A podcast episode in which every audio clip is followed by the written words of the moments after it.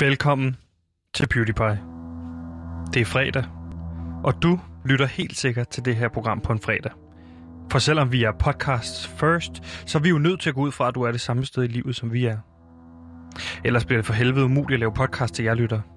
Vi kan jo ikke sidde og gætte på, hvad I laver lige nu. Hvad er klokken hos jer? Hvad I føler? Vi er nødt til at gå ud fra, at det selvfølgelig også er fredag hos jer.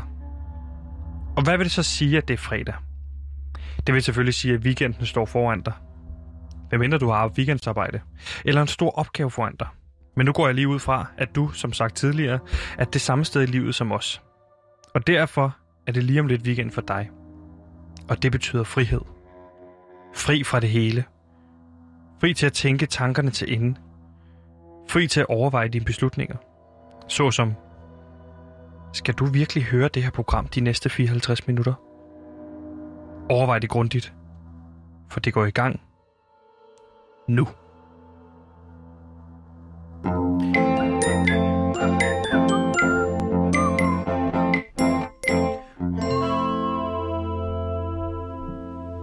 Nu er du altså med, nu er du i gang, så nu er du en del af det her, så nu synes jeg, du skal komme med til det. Vær lige en del af det, i hvert fald bare lige de næste 54 minutter, så kan du bagefter sige til dig selv, godt, det var ikke noget for mig. Så er det fint. Så skriv en mail til øh, riseros vi er i hvert fald øh, et rigtig stærkt, stærkt hold samlet her i dag, fordi ude i regien, der sidder vores producer Simon, øh, som... Øh, jeg ved ikke hvorfor, men han er klædt ud som en lille kyllerylle, sådan en kylling øh, ting. Måske det fordi, det lige om lidt er påske. Og så selvfølgelig over for mig, Gantemir Ertug min faste researcher. Du er øh, ansvarlig for alt, hvad der bliver sagt i det her program er korrekt. Velkommen til, Gantemir. Ba ba da ba da, Gantemir har research med. Ba ba da ba da, ba ba hu hu. Ba ba da ba da har indhold med. Gantemir researcher indhold ansvarlig. Hallo, Gantemir her. Jeg er researcher indhold ansvarlig, så det er helt korrekt, hvad øh, Sebastian han siger. Flowmaster. Han siger, når at jeg har altså ansvaret for alt, der bliver sagt i... Eller ikke alt. Det kommer an på, jo. hvad for en gæst vi har med ind. Jeg ja, kan ikke stå til ansvar for, hvad vores gæster siger. Nej, men, men du faktatjekker. Jeg faktatjekker, så jeg skal sørge for, at alt fakta er korrekt. Men jeg korrekt. vil også faktatjekke live i radioen alt, hvad der bliver sagt. Samtidig med, at du sideløbende, skal lige sige, jo udgiver en, øh, en podcast, der hedder Loud, Loud Detector.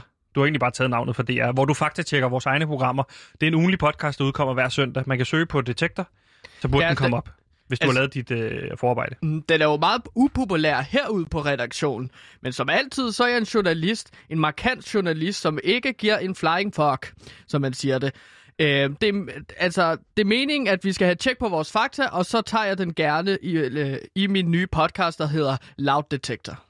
Lige præcis. Og velkommen til programmet. Vi har en masse spændende på det, fordi vi skal tale selvfølgelig Arbejdernes Landsbank. Det er det, vi alle sammen taler om derude. Hvad sker der egentlig for den sci-fi bank? Vi skal tale med en rigtig, rigtig god ven af programmet, og så er der spændende nyt i forlystelsesparken Bandeland. Så lad os se at komme i gang med programmet. Glæd dig til en ny podcast med selveste Lucas Graham i podcasten Det Perfekte Liv, hvor han går igennem, hvor fantastisk det er at vokse op på Christiania, og hvordan der i hvert fald ikke er nogen problemer med det overhovedet. Det går bare helt gnidningsfrit. Hør Det Perfekte Liv eksklusivt på Radio Loud. Gantemir, Ja, Sebastian. Har du fulgt lidt med i nyhedsstrømmen de sidste par dage? Det er jo dit arbejde. Ja, jeg er jo researcher på programmet. Jeg synes, jeg har sagt det før men i programmet. Men ja, der er nyheder, og de nyheder, de skal jo filtreres igennem øh, de næste 54 minutter. Hvor vi øh, bestræber os på at give 54 nyheder på 54 minutter. Det er ligesom programkonceptet. Og Gansimir, den 15. marts åbnede Ore Efterskole op for sine elever til stor fornøjelse for mange. Elever og lærere var alle glade for hinanden, og alt var fryd og gammel. Gansimir, hvad er Ore Efterskole for en størrelse? Jamen, Ore Efterskole, det er øh, den helt tilpasse størrelse, øh, hvor det er, øh, efterskolekonceptet er det her, hvor børn ligesom kan komme ud efter de har taget deres 9. klasse, og så prøve kræfter med det, som de synes er rigtig sjovt. Men ganske med i onsdags den 24. marts, der meldte Ord Efterskole ud, at de endnu en gang måtte lukke ned og sende 600 elever hjem. 19 nye smittede med corona gjorde, at det reelt set var et, øh, eller at der reelt set var et smitteudbrud. Det kunne man selvfølgelig have sagt sig selv, eller kunne man, fordi hvis du spørger vores øh, huskok og gode venner programmet, Troels Nyman, så kunne man have sagt det sig selv, sig selv det. Troels Nyman, har vi der igennem? Troels Nyman, hallo. Er du igennem? Vi har ikke Troels Nyman igennem lige Nej. nu, men øh, han kommer sikkert... Øh, han er nok lige på trapperne, hvis vi lige får ringet ham op. Men jeg kan så også sige, at det der også er med ord efterskole, det er jo, at der også er meget musik på efterskolen. Så jeg forestiller mig jo, at det er klart, at der kommer et smitteudbrud, når folk er rigtig glade for at spille musik sammen. Vi kender det alle sammen. Man skal sidde to ved et klaver og så spille sammen. Man skal være et band, for at det giver mening, at man spiller musik. Det ved jeg jo som musiker, som øh, lederen af bandet, der hedder Kong Gigant, der er no bullshit nu metal, der ikke går på kompromis med sandheden. Yes, men inden vi lige får sendt ham igennem, der kan jeg jo lige fortælle, at øh, det, der sker sidst vi har øh, Troels Nyman igennem, der taler vi jo en lille smule om det her smitteudbrud, der er i Kolding, øh, som blandt andet efter sin skulle være startet blandt de unge mennesker. Og det får vi jo faktisk bekræftet af vores huskok, Troels Nyman, som øh, fortæller os, at det er ham, der har startet smitteudbruddet i Kolding, fordi han skulle have ramt på nogle af 9. klasserne. Så fik han ligesom øh, noget af den her øh, corona, fik han trykt ned i sin... Øh, sin, øh, hvad hedder Trøffelmajo. det? Trøffelmajo. Jo, Og nu jo, kan vi sige jo. velkommen til, Troels Nyman. Er du igennem, Troels Nyman? Ja, det er i hvert fald. Hvad Det er så, som om, der er nogen, der prøver at modarbejde dig. Øh, ja, det har der været. De sidste, den sidste uge har været et levende helvede. Hvorfor det? Okay. Jamen, fordi jeg føler mig overvåget. Jeg føler, at der er nogen, der er efter mig. Jeg ved ikke, om det er Koldings hoveder, eller om det er noget andet. Jeg, jeg, nogen, jeg har pisset af på en eller anden måde. Men der, der, det virker som om, der er nogen, der er ved at opbygge et komplot imod mig på en eller anden mærkelig måde. Man kan i hvert fald sige, at øh, der er i hvert fald mange, der kunne have god grund til at være noget imod dig, fordi du siger jo live i radioen her sidst du var igennem, at øh, du har været med til at starte det smitteudbrud, som lagde hele Kolding ned, ikke? Jamen, formodentlig, men ikke sikkert. Det er jo ikke bevist. Det kan du ikke bevise. Det Nej, er en men- påstand. Det er en påstand, jeg selv kommer med. Hvorfor ville jeg indrømme det, hvis det var... Altså, det, jeg siger jo, det er muligt. Det er ikke sikkert. Altså, nogen vil jo sige, at det var en indrømmelse sidste gang, du var med, når du sagde, at du tog noget af coronasmitte fra et laboratorium, og så puttede Nej, ned det var ikke et laboratorium. Han var på øh, hospitalgangene og tager noget spyt fra ja. de coronasyge, putter det i en trøffelmej og men, serverer men det der, til der er ikke nogen... Men det er jo ikke sikkert, at der har været noget i det. Altså, det kan jo godt være, at der ikke har været nogen bakterier. Det kan være, at, det, at, at, at, at coronasmitten ikke har været blevet gennem, altså, givet videre igennem det. Det er, jo, det, er jo, det er jo bare en, det er en mulighed, men det er ikke sikkert. Nej. det kan vi lige huske på at holde fast i. Og jeg ved ikke, øh, du er jo ikke videnskabsmand. Jeg er bestemt heller ikke. Øh, Jeg er måske en, en spe øh, slash filosof, men ikke som sådan en, der har papir på det. Og det ved jeg ganske mere, det er du heller ikke. Nej, men Meget jeg- kan du, men, Ja. ja. der er, men det har du ikke. Det ved jeg. Men Troels, sidst du var igennem, der rettede du imod især ungdommen, som du sagde. Man kan ikke lave det her med en boble. Bobler findes ikke, på, især ikke på Ja. efterskoler. Og måske lige skal prøve kort at høre, øh, hvordan det lød sidst du var igennem. Ej, det... Jeg er rasende, fordi selvfølgelig måske muligvis, jeg så har indirekte stået for at starte smitten i Kolding. Men så vil jeg gerne lige have lov til at sige en ting. Ja. Jeg er træt af at høre på politikernes, især de højre, på, polit, øh, på politikernes populistiske klynketirader. Man skulle fandme tro, at Søren Pape Poulsen og samtlige af de andre partiledere i den klunkeblå blok har fået trykket dampende diarré igennem hjerneskallen, når de taler højt om tilliden til ungdommen og om bobler på højskoler og efterskoler. Hey, stop lige en gang. Sorry. Men det er altså meget hårdt at være vidne til tomme skaller med amøbe-IQ. Jeg har det sådan her, hvis dumhed gjorde ondt, så vil Søren Pape Poulsen og Jakob Ellemann skrige af smerte, fordi bobler på efterskoler. Sorry. Prøv at høre. Selv de unge, de går rundt og taler om, hey, vi kan skabe bobler på efterskoler. Ved I hvad? Det er fucking løgn. De kan jo ikke engang overholde restriktionerne, som de ser ud lige nu. Og hvad skulle man så gøre? Hvordan vil man reelt set skabe en boble på en efterskole, eller en højskole for den til skyld? Vil du lukke eleverne inde? Og hvad med lærerne? Skulle de flytte ind på efterskolen eller højskolen? Og hvad med lærernes børn og partner osv.? Skulle de også gå i isolation på en boble på efterskolen? Det er det dummeste, jeg længe har hørt. Du kan ikke skabe bobler, Nej. der holder. Ja, Troels, sådan lød det jo sidst, du var i, igennem, og øh, sandheden var, at du fik jo ret, fordi at øh, de her bobler på ord efterskole har ikke kunne holdes, og nu har man sendt dem alle sammen hjem igen med et smitteudbrud. Og det er virkelig synd for dem. Jeg synes, det er så ærgerligt for de elever.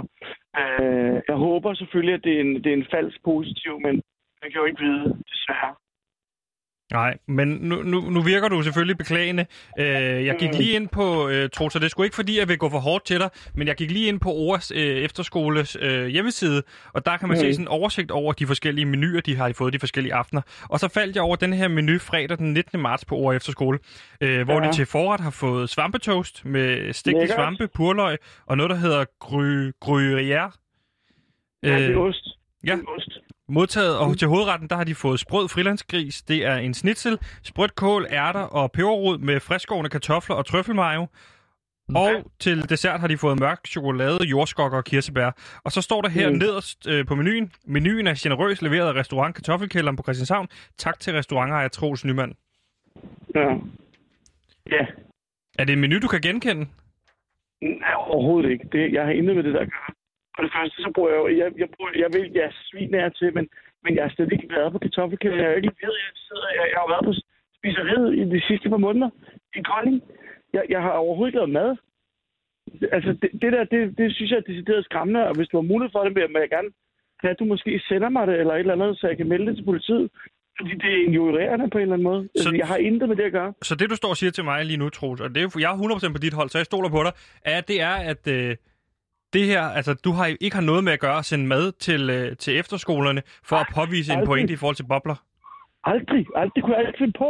Altså, en ting er, at jeg får ret i det her, fordi jeg Altså, sagen er, jeg, jo ikke, jeg, jeg synes jo ikke, at det handler... Altså, det her med bobler. Jeg sagde det for en måned siden. 24. marts, der siger jeg i radioen, man kan ikke lave bobler. Jeg synes, det der problem det er, at politikerne reelt tror, at de kan. Altså, man kan sige, at de kan gøre det. Jeg siger, jeg, jeg synes, jeg er imod hyggeleriet. Jeg synes selvfølgelig, at eleverne skal tilbage på efterskole. Jeg synes bare, det er synd, at man prøver på at slå dem blå i øjnene og sige, der er, at det ikke udgør en sikkerhedsrisiko. For det gør det naturligvis. Men det var der ikke nogen, der ville tage ansvar for. Og nu har vi balladen. Og det er det, jeg ikke bryder mig om. Og derudover så vil jeg sige, det med, at der skulle øh, versere, altså det, er bare det, jeg siger. Den her uge har været et helvede på jorden. Aktiemarkedet, det rasler ned. Øh, hvad hedder det? Der, det virker som om, man bliver overvåget, og øh, nu er der nogen, der åbenbart udgiver sig for at være mig, mig og prøver på at lave det her. Altså, hvem, der, tusind mennesker kan have hørt det her program.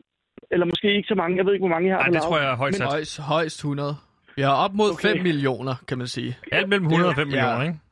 Ja, okay, men jeg siger bare, det lyder som om, der er nogen, der er ude på at gøre, altså, gøre mig ondt.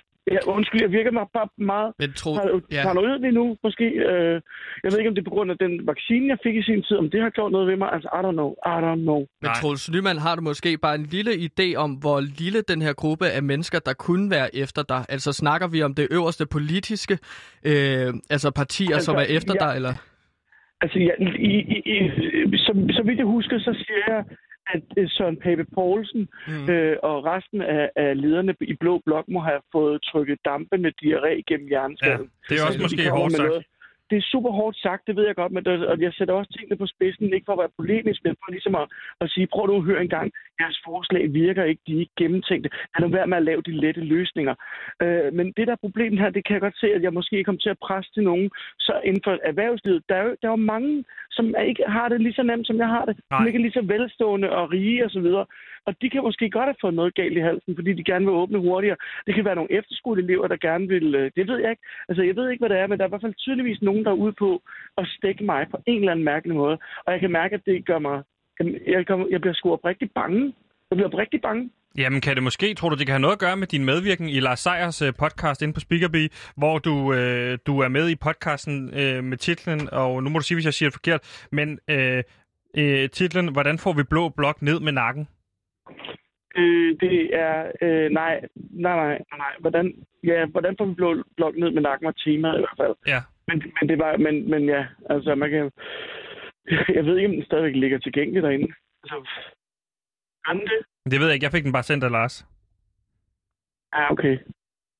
Ja, men, øh, Men jeg Troels, ved ikke, du kan ja. godt se, at det er da meget belejligt, at når du går i krig mod de her bobler, du siger, de ikke virker på efterskolerne, at så Mm. bliver der sendt en menu i dit navn, hvor der bliver brugt trøffelmayo, specifikt som du brugte til at Mm. ja, Men der må du også kunne se det fra, fra Troels side, sprede at det corona. er jo netop lige præcis spøjst, at den menu, som han har sagt her i radioen, den bliver så gentaget. Altså, Ja. ja. hvorfor skulle, Altså, hvorfor skulle Troels gøre det? hvorfor- Og hvorfor skulle jeg lyve? Jeg leverer jo ikke. Altså, du kan jo for helvede... Jeg er jo ikke engang... Jeg har ikke været med i flere måneder. Altså, det giver ikke nogen mening. Men lavede du ikke Kolding til den der Kolding Festival? Nej, jeg lavede pomfritter dernede på torvet, men det er ja. jo ikke mad. Sådan, det, nej, men det er jo sådan en lille metier. Det, det er ikke store køkkener. Jeg, jeg, har jo, Okay. jeg har jo ikke nogen ansatte. Jeg har slet ikke, det, det, jeg har slet ikke gear til at levere 600 menu, altså 500-600 øh, tallerkener. Nej, især ikke med øh, køkkenchef Frederik, der er råd i fængsel. Troels, kan du... Øh, Kan der du er mange ting, der står i vejen for, at, den der, at det der, det, det passer. Altså, det, det, jeg vil sige det, ja. Troels, kan du på nogen måde sende os i nogen retning? Nu er det jo sådan, at vi har en true crime, øh, et budget til at lave true crime-serier, øh, hvor vi kunne gå på sporet af det her. Kan du sende os i nogen retning? Har du nogen fornemmelse af, hvor vi skal pege hen af? Er det blå blok? Er det ungdommen? Øh, hvor, hvor skal vi hen af? Altså, jeg vil skyde på, at det kunne være... Det kunne være øh, altså, jeg, kunne bare, jeg ved ikke hvorfor. Jeg kunne forestille mig, at det var Søren Pape. Fordi han netop ligger så lunt i svingen, som han gør lige nu. Mm. Fordi han ikke rigtig udtaler sig om noget. Han står altid og stikker lidt i baggrunden. Det er element, der tager alle slagene og så videre. Jeg kunne forestille mig, at det var Søren Pape. Men jeg forstår bare ikke, hvorfor, fordi så modbeviser det jo hans egen tese. Så hvorfor skulle Søren Pape gøre det? Det giver ingen mening. Så jeg har ingen idé om, hvad det skulle være. Der er et eller andet, der bare ikke stemmer. Og jeg, og jeg synes ikke også, det er utroligt, at vi taler... Troels, jo, jo, jeg gør. Efter genåbning, efter skoler. Pludselig er der en boble. Jeg har talt om, at man ikke kunne holde bobler, hvilket giver god mening. Altså, har I nogensinde prøvet at blæse en, blæ- øh, en? Og længe, har I stadigvæk den tilbage? Holder den stadigvæk? Nej, de kan bobler ikke. De er så porøse. Der skal så meget til, for at de kan bevare deres form og deres størrelse. Det duer ikke. Øhm, jeg er ked af, at jeg fik ret. Altså, jeg vil ønske, at jeg ikke fik ret, men jeg ved, at jeg får ret i mange ting, jo. Troels, det er ikke første gang, du får ret på den måde. Men kan vi løse problemet? Jeg ved ikke. Hvis I hører noget, altså, find ud af, hvordan er den der menu skrevet? Er der stavefejl? Er der en font? Hvordan staver de Troels Nyman? Er det med et ende eller to ender? I slutningen af mand. Troels, øh, vi lover at kigge ind i det, både font og... Øh, Nej, du og kan ikke nu. Det, det virker som om, du lukker mig af, Sebastian. ja, det gør jeg. Jeg ved at- 54 bange. min- nyheder, vi skal nå, Troels. Vi mangler 51 nyheder lige nu, øh, Troels. Øh, vi har taget alt for meget tid på den her ene nyhed om efterskoler. Det skulle, have- det skulle have taget et minut, det her indslag. eller sådan. Jeg har brug for hjælp. Jeg har brug for hjælp. Du skal nok få hjælp. Du skal nok finde det. Troels, Okay, ring til mig, når I er færdige med udsendelsen. Jeg, er- jeg er virkelig bange lige nu. Jeg Troels, er vi snakkes. Ja, vi snakkes, Jeg er Troels. virkelig- Nej, ikke. Hey. Du har aldrig hørt radio før, som du kan høre det i programmet Limbo. Lyt med, når vi på Radio Loud følger to unge radioværter, der er fanget i en tilstedeværelse mellem liv og død på et kælderloft, hvor hverken tid eller sted eksisterer. Limbo er programmet, hvor to værter er fanget i et cirkulært tidsloop og skal finde ud af, hvordan man lige håndterer sådan en situation. Du har aldrig hørt radio før, som du kan høre det. Du har aldrig hørt radio før, som du kan høre det i programmet Limbo. Du har aldrig hørt radio før, som du kan høre det i programmet Limbo. Du har aldrig hørt radio før, som du kan høre det i programmet Limbo. Du har aldrig hørt radio før, som du kan høre det. Du har aldrig hørt radio før, som du kan høre det.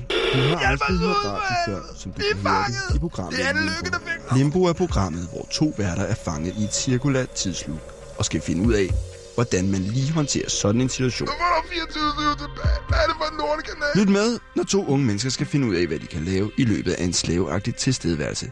I Radio Louds egen Limbo-podcast.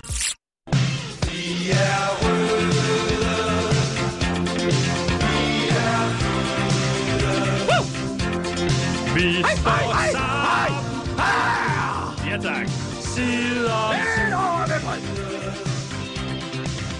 Ja, tak. Fordi Gantemir i går var det jo lidt af en landskampsaften for alle de mange danske fodboldfans, øh, hvor både A-landsholdet og 21-landsholdet øh, spillede kampe. To Gantemir- kampe, ja. To kampe på en dag. Hvordan fik du set dem i går? Jamen, jeg fik set dem øh, på en... Øh, altså, jeg havde en særlig computerskærm til U21-landskampen, og så havde jeg en særlig computerskærm til A-landsholdskampen. De blev ikke Og spillet så- samtidig. Jamen, så havde jeg så en projektor, Ja. Som jeg skød ud af mit øh, vindue, og så, hele, så var hele bygningen over for øh, den anden side af gaden. Det var et lager, og så så jeg ellers... Øh, Så lå du bare der i øh, vindueskanten og skød fyrværkeri afsted og så fodbold? Woo, woo, woo, woo! Ja, lige præcis. Og så havde jeg en fest, og så spiste jeg også tre frikadeller. Det synes jeg, jeg havde fortjent. Det har du da i den grad, fordi Gantimir, jeg ved ikke, hvor vi skal starte hen. Det var en fuldstændig fantastisk runde for dig som sportsekspert. Ja! Yeah. Øh, vi kan jo starte det sted, hvor, at, øh, hvor vi øh, sluttede, eller hvor vi startede i går, U21-landsholdet. Ja. Fuldstændig fantastisk Ja. start på U21-slutrunden. Vi mødte guldfavoritterne i går, og øh, Gantimir Frankrig, og vi slog dem. Øh, Måske bare lige spille et klip for dig. Fra, øh, Endelig. Ja, men der kommer Ja, det her. ja, ja. Her er så en mulighed måske til Danmark. Ja, tak! Ja, ja! Ja, ja, tak! Danmarks første afslutning mod mål går i kassen. Anders Dreyer bringer Danmark foran med 1-0. Det er altså ikke 100% efter spillets fordeling, men det er jeg fuldstændig ligeglad med. Det her, det er helt fantastisk for danskerne. Det går bare ned gennem som en kniv, varm kniv gennem smør, og så drejer koldt som en slagterhund, simpelthen iskold forbi målmanden, og så med en, øh, en bred inderside. Det er, det er derfor, han er drejer på banen. Ja, og jeg må sige det, som det er. Øh, Francis Dico, øh, Henrik Lindegaard, DR2, dækningen af, af kampen fuldstændig fremragende, men der kunne jeg godt have tænkt mig, at de blev krediteret måske ligesom lige også i går. Jeg stod og snakkede ja. her om, stolpe ned, stolpe op, øh, omkring det her koncept, være fræk som en slagterhund. Så han tager lige og twerker den lidt i forhold til kold som en slagterhund. Francis Dico, øh, jeg ved, at du hører med åbenbart, det er fint, men så krediter mig lige der i, i sådan en målspik der. Ganske derimod. Ja. Du kom jo ind og sagde i går, til mange skrin. Øh... Ja, men det tager jeg mig ikke så meget af. Men altså, jeg blev hånt over alt, øh, over hele fodbold-Twitter. Ja, fordi du påstod jo, at øh, Anders Dreyer ville spille den helt store rolle i kampen i går. Mm. Og det var grinfolk jo af, fordi at, øh, hvad hedder det, han har jo ikke engang rigtig startet inden for FC Midtjylland den her sæson. Men det viser sig også, også i går, at han starter på bænken, og der skal jeg love for, at det vælter ud med tweets i går. Ha, ha, ha, se Loud sportsdækning. Han fatter ikke en skid, ham der Gantimir. Øh, Loud er på røven. De ved ingenting. Nej, der er også et hashtag i går, de der startede. De lyttere, sagde de også, og ja, det var nogle håber, andre at det bliver lukket ned, og så ja, ja. videre. Men det, det, er de andre ligesom tweets. Med, ja. Dem har jeg muted. Det, det handler om, Gantimir. Det handler om, de startede, der er et hashtag, der trendede i går, der hed Boycott Gantimir. øh, men der skal jeg da lige ja. love for, at du fik ret, fordi Anders Dreyer blev skiftet ind, og scorer altså det afgørende mål, som gør, at vi vinder i går. Ja, og emne, han var matchvinderen. Altså, det var det, jeg sagde, at uh, Andreas Dreyer, han vil få en utrolig vigtig rolle i Anders kampen. Ja, uh, det er det, han bliver kaldt, Anders Dreyer. Og Anders Dreyer scorede så det her mål, og som jeg sagde, så skulle Anders Dreyer, Andreas Dreyer, altså spille en utrolig vigtig kamp, på grund af, at så kunne FC Midtjylland se, hov, Hvorfor har vi ham ikke inden at spille fodboldkampe? Lige præcis. I stedet for at sidde på bænken. Fordi han erstattede jo sin egen holdkammerat Gustav Isaksen, som så ryger på bænken, som også har, har, har startet før ham i FC Midtjylland. Mm. Er vi ude i her, hvor du vil påstå... Det er altså skandale, jo. Ja, der er nogle prioriteter i FC Midtjylland, der er fuldstændig off, eller hvad? Det sejler jo fuldstændig, og det er også derfor, at de ikke ligger særlig højt i min uh, guldbarometer. Nej. Som jeg laver om uh, de størst mulige chancer for hvert Superliga. Det er jo Superliga. Nu snakker vi landshold, ganske Ja, undskyld, jeg er bare så glad for fodbold. Ja, ja. Ja, undskyld. Måske vi skal tage den historie nu i forhold til øh, Jesper Hansen, eller øh, Brian Priske og Pione Sisto, som du også øh, sagde, du vil begynde Jamen på. lad os først lige... Skal vi ikke holde os til U21? Fodbold. Nej, nu spørger ja, nu er jeg flowmaster, Gantemir. Og jeg spørger dig ind til, du sagde, det involverede øh, et, øh, et øh, bat, øh, nogle fodboldstøvler og en, en gammel cheesecake. Var det det? Ja, lige præcis. Det, det går ud på, det er simpelthen, at der bliver serveret cheesecakes til FC Midtjyllands øh, altså træninger. Så når, når de er færdige med at træne, så kan man gå ind i øh, kaf, øh, kafeteriet, så kan man spise en cheesecake sammen med resten af holdet. Og det er altså den her problematik, der har været mellem Pione Sisto og Brian Priske, ikke? Jo, lige præcis. Og så tog Pi øh, Sisto, han tog det sidste stykke cheesecake, Ja. Og det gør Brian Priske så utrolig vred, og Brian Priske, han er altså en mand med ben i næsen og med en høj øh, status i FC Midtjylland. Ikke? Han er cheftræner. Og også i omklædningsrummet. Der er han også øh, alfa han, ikke? Jo. Øhm, og det, der så sker, det er, at Brian Priske, han bliver så rasende, at han går ud og henter sit øh, signaturbat. Han har sit helt eget bat. Ja. Øh, som han kalder for Clara. Så han henter Clara, og så går han simpelthen ud, og så begynder han at smadre øh, hele kafeteriet. Så nu har de ikke noget kafeterie i FC Midtjylland, simpelthen fordi at Brian Priske han er smadret. Så det er det, problematikken handler om. Men ganske skal vi lige prøve at komme tilbage på 21 ja, sporet, i stedet for at sidde og snakke om Midtjylland. For det var en fuldstændig fantastisk start. Vi slår guldfavoritterne 1-0. Vi ligger nummer 1 i vores Boom. pulje. Boom. Næste gang skal vi møde Island, som taber 4-1 til Rusland. Gantemir. Nu, nu er jeg ikke meget for at, at punkte dig for meget for sådan noget, men, men hvad er det for en kamp, vi kommer til at opleve mod netop, øh, mod netop øh, Island? Jamen, det bliver en meget let kamp. Det bliver sådan en kamp, hvor vi bare kommer til at løbe dem over. Jeg er fuldstændig sikker på, at Danmark, altså, når de får scoret første mål, og gerne inden for de første 5 minutter, Ja. så kommer de resterende 10 mål løbende. Så det Okay. bliver en 11-0 affære mod øh, Island. 11-0 mod Island. Et Hold mål kæft. per spiller. Et mål per spiller. Er det også et mål per... Altså, et, er det hver spiller på banen, der kommer til at score? Yes. Alle førsteholdsspillere øh, kommer til at score et mål. Målmanden kommer til at score et mål. Øh, angriber. Øh, alle de andre positioner kommer til at score mål. Så ja, jeg ser meget frem til det. Og ved du hvad, jeg tror også, jeg tør at kalde den allerede nu. Danmark vinder den gruppe der. Danmark vinder gruppen Ja. over øh, Frankrig, Island og øh, Rusland. Det er rigtig gode ord, Gantemir. Men skal vi så ikke også... Gantemirs pick of the day. Pick of the day, Gantemir. Skal vi så ikke lige hoppe over til at snakke en lille smule om A-landsholdet? Jo. Her er så en mulighed måske.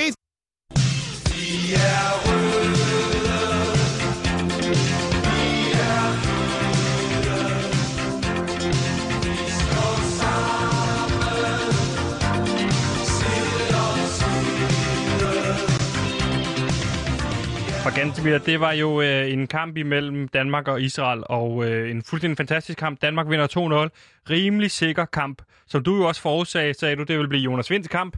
Jonas Vind vil score et mål, og det Ja. giver, gjorde han så over os. Ja. ja, jeg synes ikke, han spillede en særlig god kamp. Jonas Vind, man of the match, øh, øh, assist og øh, mål i går, Mm. øh, var på alles læber efter kampen. Jeg er ikke på den her læbe. Jeg var bare så træt af at kigge på ham. Hvorfor det? Det Var det fordi, han var ude og sige det der bagefter med, at det kun var Brøndby-fans, der har været efter ham, eller hvad? Nej, det må han jo gerne synes, egentlig. Jeg, men jeg, jeg synes bare, at han spillede en dårlig kamp. Han kunne have spillet meget bedre. Det tror jeg, alle skal være enige i. Det forstår jeg Jeg ikke. har ikke noget at gøre med, at, øh, at jeg har oddset øh, to, to, altså to øh, Jodas Vinds assist til 40 okay, gange igen. Vel, det har ikke noget med det at gøre. Har du jeg- oddset på kampen? Øh, to gange Jonas Vind assist. Ja, Til 40 jeg, gange lagde, pengene igen. jeg, jeg lagde resten af mine penge på, på min konto, ind på, at Jodas Vind han vil lave to assist. Han lavede en assist, og så scorede han et mål. Den selvglade idiot, i stedet for at spille bolden.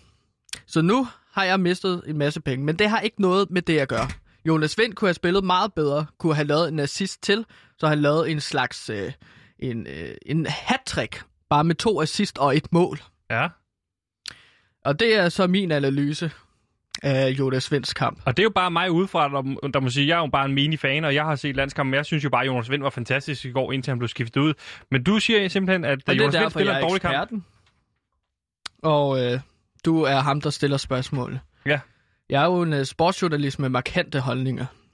Det er og du. dem deler jeg gerne. Ganske mere på søndag, der møder vi jo Ja. så øh, Moldova, som du har udset til at være den helt store øh, favorit-killer. Ja, og sammen med Færøerne, og ved du hvad der skete, øh, altså øh, kampe der blev spillet, det var jo giganterne, de to favoritter, som jeg havde forudset, Moldova og Færøerne, de spillede mod hinanden 1-1. Ja. Det var en virkelig god kamp. Det er to giganter, der spiller Så mod du hinanden. simpelthen den? Ja. Om jeg så den? Selvfølgelig skulle jeg se den. Det er jo favoritterne på det her, altså gruppe. Ja, ja. Det er jo, altså, det er jo Færøerne. Og så er det Moldova. Det de to kæmpe kampe. Det er jo ikke David mod Goliat. Det er Goliat og Goliat. Med maskinpistoler. Så du ikke målet i det 83. minut? Nej. Der bliver spillet af Olsen. Øh, han skruer øh, spillet. Bolden indover. Altså Brandur Olsen, øh, tidligere FCK-talent. Nej, Meinhardt Olsen. Okay. Ja, ja. Den fede Olsen jo. Bolden bliver spillet. Bolden bliver skudt. Der blev scoret. Der blev scoret igen af det andet hold. Det er fantastisk fodbold. Så Moldova, ja, altså Moldova-færøerne. Nå, Ja. men må jeg så ikke spørge til Moldova Danmark? Hvad er det for en kamp, vi får der? det bliver en rigtig, rigtig svær kamp. Det bliver en kamp, hvor Danmark skal... Øh, Det er jo på hjemmebane. ja, men uden tilskuer. Men Danmark skal ligesom kigge ind af, og så skal de prøve at meditere i to timer op til kampen, vil jeg foreslå. Ja. Så det virkelig har, er i send. Fordi at Moldova, de er ikke bare fysisk overlegne, de er også psykisk overlegne. Det er det moldovanske folk. Fordi de kommer ind med momentum for Færøerne-kampen, eller hvad? Ja, lige præcis. At de kunne spille 1-1 med Færøerne er jo helt ekstremt godt. Virkelig flot. Ja. Så Danmark skal virkelig være i sit S for at ville. Og, men jeg tror sgu, Danmark taber den kamp. Jeg tror, at Danmark taber 1-0. 0-1 til Moldova. 0-1 til Hvem, Moldova. hvem tror du Moldova, fra Moldova, vi skal øh, forvente, bliver, øh, bliver kampen spiller og score det her enlige mål, øh, som jo øh, de har for vane, kan man sige, Moldova. De har jo scoret et mål indtil videre i alle øh, VM-kvalkampene. Ja, Hvem det tror du fra et Moldova, øh, vi skal? Maskan. Amaskan. Amashkan. Damaskan. Lytter du efter? Damaskan. Der er Mashkan. Ja, ja. Uh, han, han, er, han er en farlig spiller. Han har scoret nogle mål før, og han vil gerne score mål fremadrettet, så Monik han kommer til at sætte en fod på en bold, og så score et mål. Eller en hoved på en bold. Man kan jo godt score på hovedet i fodbold. Hvem er det, du tror for det danske landshold, der kommer til at underpræstere sig, siden vi kommer til at tabe mod øh, Moldova? Joachim Mæle. Jeg er træt. Jeg er træt, Mæle. Giv mig nu et venstrebenet vensterbak. Det er utroligt, at øh, der ikke er flere venstrebenede spillere, som er interesserer sig for fodbold. Ja. Der må være et eller andet vandet. I det danske vand. I det danske vand. Mm. Ganske med de ord, så øh, var det alt, hvad vi nåede her i, øh, i Dyk ned i landskamp, fordi vi skal også videre i programmet. Vi har 50 nyheder, vi skal nå videre. Ganske det var dit pick of the day. Det bliver altså en 11-0 sejr over Island i en næste U21-kamp, ja. og så bliver det en 1-0, et 1-0 nederlag mod Moldova på søndag. Ja. Så lidt af en fodboldsøndag, vi har foran os her, Gansimir. Hej,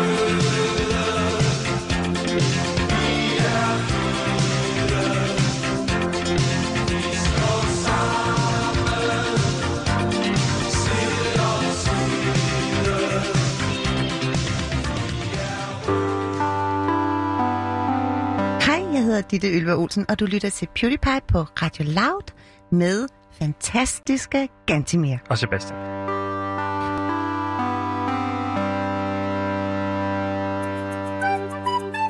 I indslaget Bandeland vil vi undersøge muligheden for at lave Danmarks nye forlystelsespark. En forlystelsespark med rusjebaner, shows og boder, hvor du kan møde genkendelige figurer som Jynke og Egon Olsen. Eller brands som Hells Angels eller LTF. Mange forlystelsesparker har temaer, for eksempel Legoland og Disney World, så Bandeland skal selvfølgelig have fokus på dansk bandekriminalitet. Så dermed bliver Bandeland en sammensmeltning af to meget populære ting, som familien Danmark elsker. 1. Forlystelsesparker.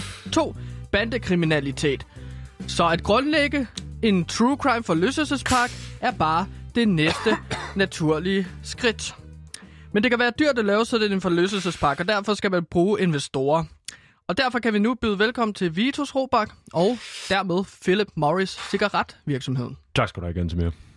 Altså lige nu så har vi jo snakket meget om, at vi gerne, meget gerne vil have Bandeland skal placeres ude i Ammerfællet. Mm-hmm. Det er jo drømmepositionen i forhold til den her øh, location, fordi, altså om du også øh, har været inde på, Vitus, det her med, kan man for, for guds skyld, når, når, når, når flyene lander i lufthavnen, kan man så kigge direkte på en kæmpe stor cigaret, der står og pulser løs som en forlystelse, og man tænker, hov, skal jeg derhen? Ja, og der så holder busser ude foran øh, og kører direkte over i Og Bandeland. t- tæt på, altså lufthavnen, tæt på hoteller, det kan blive en ta- turistmagnet for øh, folk.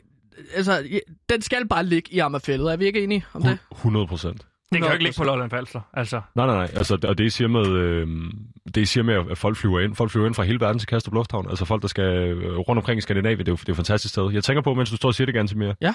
Vi skal nok have nogle lys på den der cigaret, vi snakkede om, hvis den ligger så tæt på lufthavnen. Altså så bare flyene ikke flyver. Det vil være så dårlig branding. Altså, den cigaret, som skal stå op som øh, det gyldne tårn i Tivoli. Præcis. Og stå op. Der skal selvfølgelig være lys på, ja. Det er bare for, at jeg tænker, at vi undgår en, øh, en 9-11-agtig situation i København. Det vil være dårligt. Lynhurtig tanke, Mhm. mm-hmm. Vitus. Og det er ikke for at være fræk, det er bare... Øh, hvad, hvad, er vi sikre på, at det vil give dårlig omtale? Fordi altså, da USA for eksempel får nogle fly øh, fløjet ind i nogle tårne hos dem, mm. der får de jo virkelig sympati og mulighed for at bekrige en masse lande.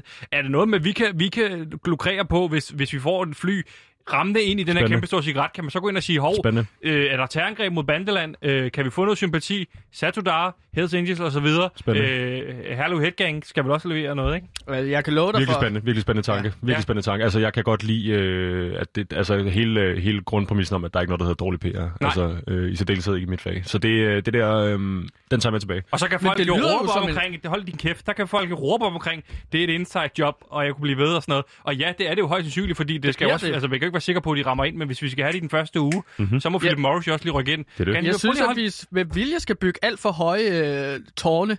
ude altså, så tæt på lufthavnen som overhovedet muligt. Altså, det, det begynder folk- at tage form, det her. Det begynder Ja, at Ja, tage form, det her. folk begynder at beskylde os for at lave et inside job. Ja, men det er god business. Præcis. Det øh, ved det Philip sig i hvert Morris fald i USA også. Altså, øh, jeg ved også, Philip Morris, det ved jeg ikke, om man kunne sige her, det fortalte du lige inden, det her med i forhold til 9-11.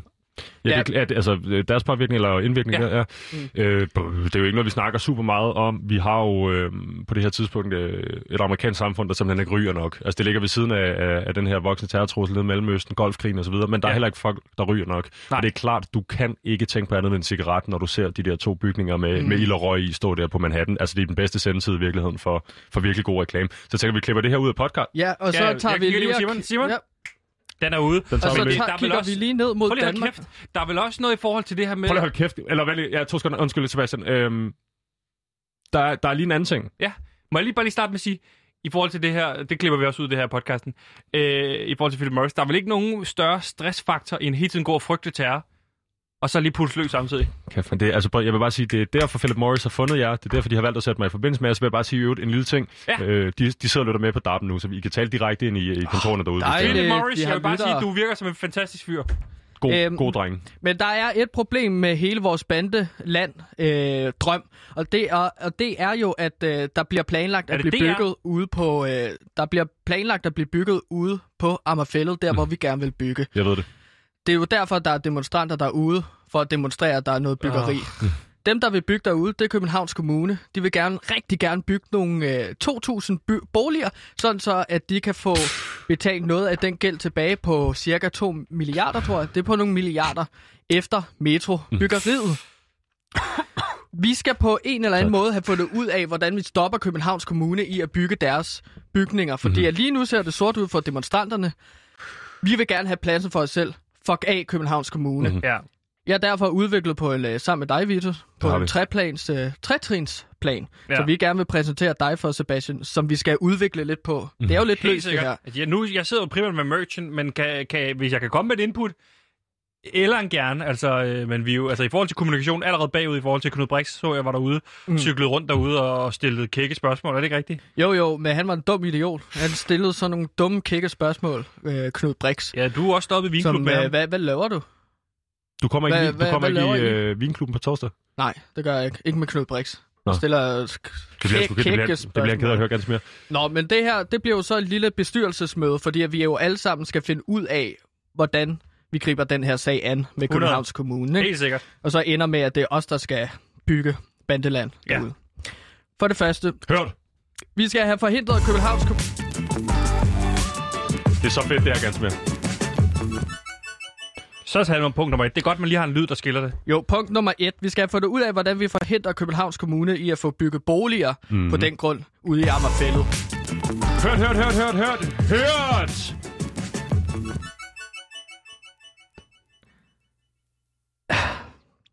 For det første, så skal vi prøve at finde ud af, hvordan vi forhindrer Københavns Kommune i at få bygget deres boliger på grunden. Og du, du sætter ikke den skiller på igen, fordi vi vil gerne videre nu. Ja, okay? modtaget. modtaget. Budskabet er, at vi, vi skal forhindre øh, Københavns Kommune i at bygge derude. Mm. Du havde en rigtig god idé, Vitus, og det var ligesom at hyre falske demonstranter. Ja, det har vi jo været i gang med i et stykke tid nu. Ja, og der har Er jeg det jo... vores demonstranter derude? Øh, det kan vi godt sige. Altså, det, det vi jo øh, ganske med jeg allerede har snakket om, det er jo det her øh, behov for, at, at de ikke skal bygge noget derude. Så vi har været ude, øh, ganske mere var på en, på, en, på en længere tur til ude det, ude det jyske, øh, hvad hedder det, på den jyske hede, og hente vandselementer, simpelthen for planten derude, så vi kunne få noget, øh, Ja. ja. noget, naturaktivisme øh, kørende derude. Fordi det er det eneste, nu vi har fjernet hele vandselementerbestanden fra Horsensområdet, Ja. hvor det var det eneste sted i Danmark, den var nu, og plantet den ude på, øh, på Lærkesletten. Ja, fordi at en del af argumenterne fra aktivisternes side, det er, at I skal ikke bygge på Ammerfællet her, fordi at der er på grund af biodiversiteten. Ja. Der er de her sjældne dyr, øh, hvad fuck, øh, vandsalamenter, ja, og så Mhm. er der nogle lærker, og så er der nogle planter. Men, øh, Det er der været sådan nu, efter du hentede dem.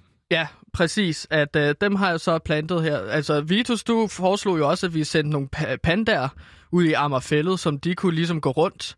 Ja. Det er fordi, Øh. jeg, har, jeg har en bøf med Bjarke Engels, øh, og jeg synes, det, er, det der monopol på panda, panda er noget, han har bygget, det er fuldstændig sindssygt for mig. Jeg kan ikke, ja. jeg kan ikke se det. Øh, Men altså, så kunne man jo et- sige, at I må ikke bygge Ammerfællet her, Nej. fordi at der er pandaer, der lever i deres naturlige reservat. ja, Lyn, lynhurtigt spørgsmål her. Har vi ikke skabt et større problem for os selv ved at og så sørge for, at de her sjældne øh, dyr er der? Fordi så kan vi jo heller ikke bygge der. Gansimir har været rundt efter, han samlede de her vandselementer ind, og så ligesom at gøre på fritidsklubber og så videre med, med høvdingeboldene, så har han været rundt, ligesom, han har lige givet dem en lille tut med en spraydose, så den lige gul på dem, han har. Så Gansimir har styr på, hvor de er faktisk. Er det ikke Ja, rigtigt? jo. Altså, Hvis vi det ud tog, og- længere, Vi går ud og fjerner dem igen, dem tilbage til Horsens, så er problemet løst. det tog længere tid at, øh, at gøre det, men det er for et bedre, bedre sags tjeneste. Altså, det som vi skal gøre, det er, at vi skal lade aktivisterne vinde i første omgang. Præcis. Ja. Fordi at Københavns Kommune skal give op på deres plan om at bygge boliger. Hvordan gør vi det? Planter nogle pandaer, øh, hyrer nogle demonstranter igennem Crowds on Demand. Jeg hørte, øh, Gansimir, det var noget med, at du havde låst en af demonstranterne fast og smidt nøglen væk. Ja, det er rigtigt. Jeg, har, jeg fandt nøglen, faktisk. Nå, fantastisk. Så den der- tror jeg, den der- tror jeg super gerne, hun vil se derude. Hun har ikke fået noget at spise Der- i 72 timer. Øh, Jeg er faktisk ikke sikker på, at hun stadigvæk lever. Men nu har vi jo skabt en kæmpe stor folkelig opbakning i forhold til at få fredet det her område, og ikke bygget der. Mm. Hvordan skal vi så komme til at bygge der? Jamen, der er det jo Philip Morris. Det er jo så vores anden øh, trin i den her trætidsplan. Okay, ikke? det er der tænkt over. Ja, Fordi ja. at så Københavns Kommune, de giver op. Altså, de giver op med at bygge der, så aktivisterne og demonstranterne har vundet. Ja. Det, som vi så gør, det er, at vi går ind, og så fjerner vi vores demonstranter, ikke? Mm-hmm. Og så køber vi grunden af Københavns Kommune og siger, gennem Philip Morris, ikke? Hvor stor en procentdel af, af de her demonstranter er vores? Øh, jeg vil sige, til at starte med var det 100 procent. Øh, det ligner, det har taget fart derude på en måde. Det, altså, det er fuldstændig ude af kontrol nu. Har du styr på det? Jeg har ikke styr på, hvor mange af de aktivister, der er derude. Men Nicolai der Kirk kommer for eksempel, flere og er han flere. vores? Øh, han er selvfølgelig vores her. Okay. Øh, det har han været i mange år. Øhm, Hvor mange år? For Philip Så Morris? hele det der med at ryge, ryge pibe i gå noget. nakkered, det er også Philip Morris. 100 procent, ja. Øh, I øvrigt, øh, Knud Brix derude sendte vi jo ud øh, for at lave en eller anden form for... Altså, det er de på en eller anden måde for klassificeret som objektiv journalistik på genstart, men sendte ham ud med en, med en cykel og nogle kække spørgsmål, for øh, det er jeg selvfølgelig ked af, Gans, men det var, det, ja, det skulle jeg Er fortælle Knud dig. Brix vores? Han er også vores. Okay. Altså for, for at gå ud og, og, og give danskerne en oplevelse af, at det her det er rigtige demonstranter, det er rigtige aktivister, det er det altså ikke. Nej. Øhm, men det er Okay. klart, det, det vokser lidt. Okay, så de trækker Fedt. sig. Så Københavns Kommune, det bliver simpelthen nødt til at... Fordi de skal betale tilbage på den her milliardgæld. Mhm. Mm-hmm. Så kommer Philip Morris så ind, havde Maja Vitas Ah. planlagt, ikke? sagt, øhm, lad os da købe grøn. To milliarder. Hvad så Københavns Kommune? Der Så er jo ingen, der milliarder. gider at købe... Hvad så Københavns Kommune? Der er jo ikke nogen, der gider at øh, købe... købe. Øh, grunden er jer, skal vi ikke lige gøre det? Også Philip Morris her. Og så sælger København... Altså, vi afpresser simpelthen Københavns Kommune gennem Philip Morris' kæmpe økonomiske kapital. Så vi får Hvad fat i synes du om grunden det, til underpris. Sebastian? Fuldstændig. Ja. Ja, eller underpris og overpris, whatever. Det, det, 2 milliarder, det er det, vi kalder en dagsomsætning på global plan i, i Philip Morris. Så, øh, øh, mens vi sidder her, der er vi, der er vi nok solgt for 100-150 milliarder. Altså, det er et fucking greb i lommen, drengene. Øh, så det er der styr på. Okay. Så har vi armer fældet lige om lidt. Ja, og det syge er, og det, altså, Ja. ja. ja, det ved jeg ikke, vi skal snakke om nu, men vi køber, øh, vi køber hele fælden. Det, bliver ikke lær, lærkesletten. Hvis, hvis, hvis de vil sælge hele fælden, så køber vi hele fælden. Jamen, jeg tænkte, at vi skal købe hele fælden, og så bare ligesom fjerne alt, og så skide være... Altså, resten bliver parkeringsplads. Der kommer de her kæmpe kon- parkeringsplads. kontorhoteller og øh, hvad sådan noget, øh, entreprenørsteder, hvor folk med gode idéer kunne sidde og udvikle. Det har vi, altså, de er virkelig vilde mager, drengene. Ja, så, okay. så vi, vi har på en eller anden måde givet, og det er selvfølgelig gerne smidt øh, den del af bestyrelsen nu, øh, øh, frit lejde til at gøre, hvad fanden han vil med ham og fældet. Ja, Så ligesom, vi starter altså, med Bandeland, det er klart. ligesom Legoland har Lego-hotellerne, så kommer Bandeland til at have cigaret-hoteller. Og så kommer det til, at vi kan designe det ligesom Voldsmose. Tror I, man må ryge på værelserne? Ja, Ja, det, det, det kommer man. vi til at gøre. det Ikke? må man i hvert fald. Okay. Så Præcis. vi får en helt anden... Vi bygger så en ghetto, eller hvad? Lars Løkke, Jamen altså, ba- Bandeland skal, band, Bandeland skal jo ligesom hænge sig, hægte sig op af Så det bliver sådan et temahotel. Voldsmose... Øh. Øh, Ja. de, Det har vi øh, faktisk snakket om. Altså det her, med, ligesom man gør i japanske, øhm, i japanske arkitektur, så skiller man gamle bygninger ad for at bygge dem igen, simpelthen for at vedligeholde følelsen af, hvad det vil sige, og, og, og eller altså den her så tæthed. river vi Voldsmose ned for at bygge det op igen, og så Nej, vi river, vi... bare, vi river bare Voldsmos ned. Okay, Så det var, det var måske ikke så god en sammenligning. Vi river Voldsmos ned, punktum. okay, men hvad bygger, hvad bygger vi en miniatyrudgave af Det har, vi lige, det har vi lige tænkt over nu. Men det er måske, ja, det er måske en god idé. Men det er jo derfor, du er med, Sebastian, som bestyrelses... For, øh, altså, Formand? medlem. Nå, okay. Med. Nej, der, der var jeg lige ved at sige formand. Men jeg tænker, jeg er formand. Bestyrelsesformand. Øh, Jeg er formand. s- sæt jer ned, dreng. Ja, Det er mig, der får mig. ja. Du er formand. Du er tak. formand. Klar. nok. Godt. Videre. Ja, men altså, så er vi så kommet her til tredje trin af vores øh, tre, trætrinsplan. Øh, fordi... Hørt, hørt, hørt, hørt, hørt, hørt. Tredje trin. Fordi at nu kan vi jo Prøv så at den tager bygge... længere til. Tredje trin.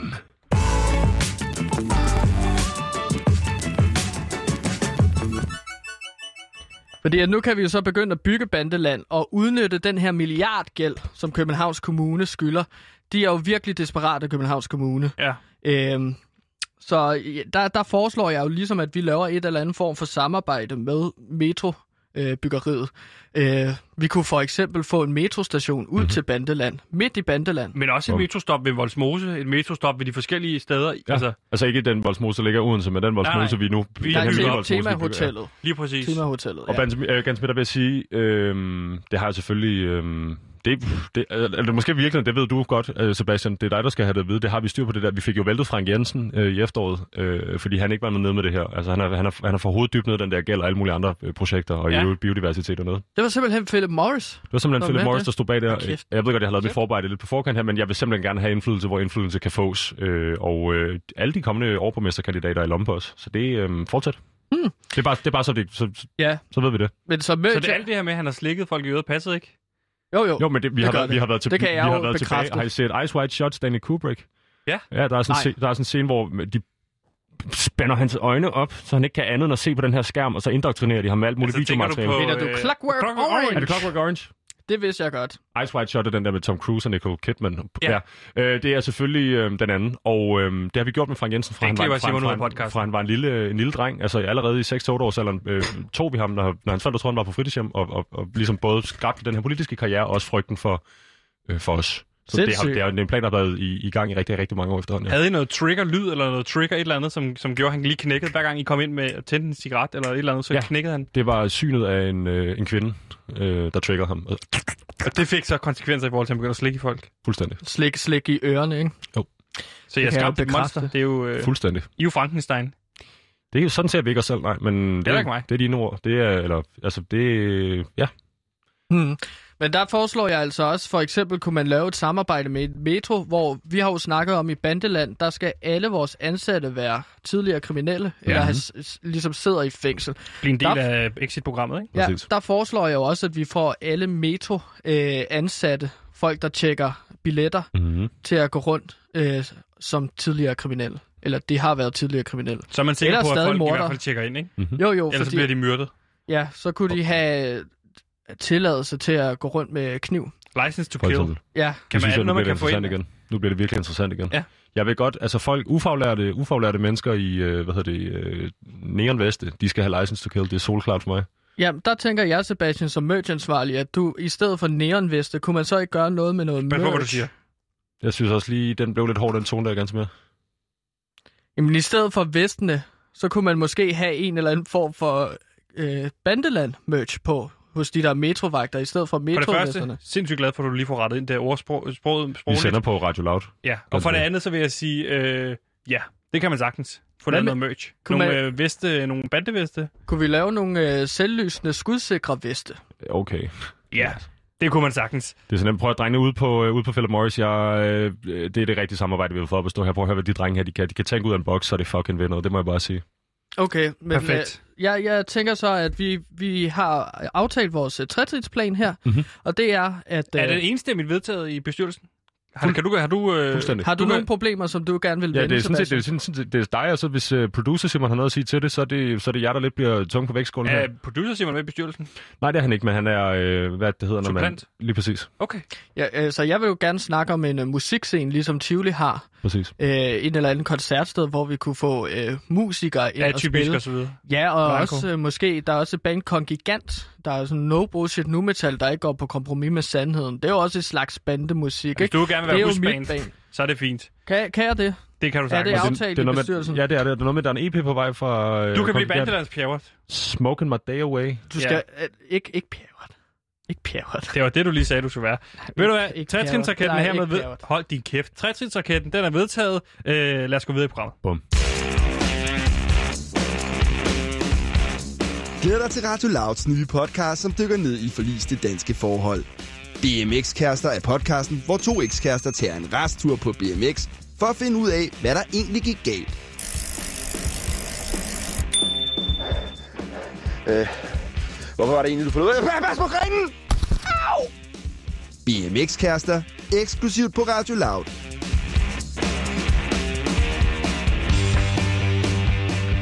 Ganske mere her til sidst, så øh, er det vigtigt med noget lytterinteraktion, så det også virker som om, at vi, øh, vi har lytter, og derfor så har du bygget en kunstig intelligens, Ja. øh, som hedder Lyttertron. Lyttertron 3000, lige præcis. Og jeg går lige over og tænder den, så kan du lige imens øh, forklare, hvad den er. Jamen, altså, Lyttertron 3000, den arbejder efter en algoritme, hvor den kan producere forskellige øh, sms'er, øh, lytter øh, sms'er. Jeg har taget sms'er fra P3 og fra andre programmer, og så har jeg ellers puttet dem ind i min algoritme, så den kan lege mennesker. Og i dag har vi bedt Lyttertron om at fig, øh, figurere nogle forskellige dilemmaer for lytterne, og... Øh, oh, der kom den første. Skal jeg tage den? Ja. Så er det. Hold da op. Den, øh, der plejer at være et varmeproblem med dem der. Ja, Er nu der er den bare meget... en ny patch, Ja, så nu som er det blevet mange meget af koldt. beskederne er meget mere seksuel karakter, men til gengæld så er de ikke så, er de ikke så varme mere. Fantastisk. Nej. Så jeg læser. Så. Hej venner. Hej. Efter Hej. en længere periode med dårlig humør og corona har tynget mig, at jeg startede til psykolog for at få hjælp til min paranoia og mine aggressionsproblemer. Ja. Men det fuckhoved stiller alle mulige underlige spørgsmål, i stedet for bare at kurere mig. Føler han angriber mig? Hvordan skal jeg gribe det an? Og skal jeg gri- angribe ham tilbage på en eller anden måde? Håber I kan hjælpe mig. Hilsen, John. Jamen altså, John, jeg har selv været til psykolog og øh, har haft flere af dem her, som, som stiller meget kritiske spørgsmål. Og en af måderne, det er, at man kan ligesom øh, følge efter dem om aftenen og finde ud af, hvor de bor. Og så ellers stå derude og beskue øh, og ligesom notere klokke. Jeg har noteret alt sådan klokken 12.22 øh, op efter noget natmad, bla bla bla. Øh, og så øh, egentlig bare... Øh, Og så kan man jo præsentere det for den til næste samtale. Så kan man spørge dem, er det ikke lidt underligt, at du spiser så meget natmad? Øh, Hvorfor er du oppe så sent, Hvorfor når køber du skal du- møde tidligt næste dag? Hvorfor køber du Cola Light fra Fakta, når du kan købe almindelig Cola eller Mhm. mm-hmm. Alle de her spørgsmål, som så de ligesom føler sig angrebet af, og så siger, hey, vi er nødt til at stoppe. Og så får man sit stempel, så man kan komme tilbage på arbejde og kan vise ledelsen. Jeg har, været, jeg har fået ar- ar- arbejdet med Jeg de er her problemer kureret. der. Mm. Jeg er blevet kureret. Øh, også vist til Cecilie Lange. Se, den, den er, Den er god clearet. nok. Ja. Og så kan man egentlig komme tilbage på sit arbejde. Det, ja, det kunne jeg ikke have Det sagt. var et godt råd, Sebastian, synes jeg. Ja. Dejligt. Dejligt. Godt, tak. Hov, der kommer en til den. Den tager jeg lige. Lytterton. Okay. Jamen, øh, vi har... Øh, det er en af de længere, den her. Det er fint. Den lyder sådan her. Jeg holder fødselsdag her i weekenden og får gæster på besøg til det kolde bord. Jeg står og overvejer, om jeg skal lave min egen hjemmelavede mayonnaise, men er lidt i tvivl. Mm. Min plan var egentlig at piske æggeblomme, sennep, eddikesalt og peber sammen. Olien skulle så tilsættes lidt ad gang, og majoen piskes indtil olien er optaget i blandingen. Mm. Bliver mayonnaisen for tyk undervejs, tænker jeg at piske nogle dråber vand eller eddike, og derefter smage til med salt, peber, sennep og eddike. Ja. Hvad tænker I? Hvad vil I gøre? Hilsen Henriette. Åh, ja, men Henriette, hun sidder jo i en kla- Altså, det er jo en klassiker, den her. Øhm, Det er jo bare Lyttertron, der giver os opskriften på mayonnaise, Gansimir. Ja, Hvad er det for en men- patch, du har downloadet? Jamen, jeg har downloadet sådan en opskrift-patch. Så den kommer med alle mulige forskellige opskrifter. Er det fordi, du bruger Lyttertron om aftenen til, når du skal lave mad herude? jeg. Ja, jeg har jo brug for ligesom at vide, hvordan man laver en mayo. Og så downloadede jeg mayo-patchen med 10 forskellige mayo-opskrifter. Hvem har lavet mayo-patchen? Det har en, der hedder Ketil43 på... Øh... Altså, Martin og Ketil, Ketil. Nej, dem, der også står bag Cyberpunk videospillet. ah, ja, det har jeg hørt om. Øh, de- de- dem, der ligesom øh, udgav et spil, som simpelthen var i stykker. Vi ved godt, hvad Cyberpunk er. Det behøver ikke så forklare. Og nu ved jeg, hvordan man laver... Altså, Nå, jeg, kommer... jeg vil jo anbefale at fryse mayonnaisen ned, så man kan gemme den til en slags dessert på et tidspunkt. Bare fordi den er kold, Stik et betyder det. Det, ja, det tror jeg også, du har måske fået galt. Bare fordi den er kold... Ting, der er kolde, bliver ikke automatisk til dessert. Ej, Jo, altså hvis man stikker en pind ned i det, så er det jo en pindis, ikke? Pindis. Øh, Nu synes jeg, det der sprog, det der sprog, det bliver lidt hårdt igen, så har du ketchupis. Mm. Ej, jeg er, det, er, det, er, det, sådan, er det sådan, hver gang I sender? Først så var det neonveste, nu er det penis. Nu skal du, du skal også passe på, hvad du Nej, siger. Vi har haft så- øh, ja. problemer med Jeppe Vade fra P3. Det er rigeligt, det her. Tag en til. Jeg læser højt, hvad, hvad, hvad hedder den, uh, Lyttertron siger til mig her. Ja, tak. Kære PewDiePie. Sidste fredag, da jeg kom hjem fra arbejde, ser jeg, at min kone er allerede kommet hjem. Jeg kan, Fedt. jeg kan se, der også står et par fremmede herresko i gangen. Oh, Jeg hører lyden fra soveværelset og går derind, hvor jeg finder min kone har samleje med en PostNord-mand. Nå. Jeg bliver i første omgang begejstret, da jeg har bestilt en venner-DVD-boxsæt fra Coolshop, men bliver derefter vred, da min kone jo er mig utro. Jeg styrter ud i jeg styrter ud i spisestuen, hvor jeg finder to sabler frem. Jeg giver den ene til, jeg giver den ene til PostNordmanden og udfordrer ham til duel ved daggry. Duellen skal stå i aften, og jeg er lidt tvivl om, hvordan jeg skal gribe det an. Har I nogle tips? Min kone har indvildet i at være sammen med vinderen af duellen. Hilsen Karl Johan. For det første, så synes jeg også, det er uklart, hvem er det, der får vennerbox-sættet? Fordi det har han trods alt lige købt. Øh, hvad hedder Ja. han? Karl Johan? Karl Johan. Desuden så tænker jeg, at der- det er en, en ret stor rumtid, hvor de bare skal sidde over for hinanden og vente. Altså på, at det bliver daggry, ikke? Så kunne man måske se venner. Og du tror, at, de, at han bare hænger ud på snorball? Ja, hvad skulle han ellers gøre? Altså, Det, det er også sådan, ja, jeg får det her. jeg vil tage hjem, efter jeg er blevet udfordret at træne. til et duel. Okay, Jeg så hvis vi går ud fra, at Karl Johan han har tid Altså, altså, på jeg- egen hånd, så vil jeg øve mig. Gansimir, du har jo, du har jo gået til fægtning. Har ja, du et par tips? jeg har også deltaget i flere dueller. Jamen, jeg vil, jeg vil anbefale dig at træne virkelig på det fodfæste, fordi at det er der kampen ligesom afgøres. Mange tror, at det handler om at ligesom at træne, at slå rigtig godt, Mhm. mm-hmm. men det handler meget om din positur. Hvad for en positur skal man gå efter at have? 10 T-pose. Og hvad er det? T-post. Jamen, det er, hvor du samler begge ben sammen, helt sammen, mm-hmm. og så, altså, de går lodret op, og så. Ja. stiller du armene ud til siden. Ud til siden? Ud til siden. Ja. og, Og dreje rundt om sig selv, eller hvordan bliver det her effektivt? og så drejer du bare hele kroppen. Det er klart. så, så, som en helikopter. Og ja. så øh, drejer du ellers bare rundt som en helikopter, fordi at det der så er, det er, at øh, de kan jo ikke ramme dig, hvis du hele tiden bare svinger sværet rundt om dig selv. Men det, rigtig, tro, rigtig det troede jeg faktisk var en strategi til, øh, til lysværs øh, fighting, og ikke sabel fighting, ganske mere. Jeg tror, det, det, er noget, du... De overlapper jo meget. Det kan være, at det lysværd, det kan være, at det er en sabel. Så stor krumsabel der. En stor krumsabel. Ja, det får vi jo så ikke at vide, Det er om det er en krumsabel eller en Det kan også være en champagne-sabel. Det, og det, ja, så er det noget helt andet. altså, så er det, der er et helt program der. Det er 54 minutter, vi skal bruge på sådan en champagne-sabel. Gantemir, Vitus, Simon Udresin.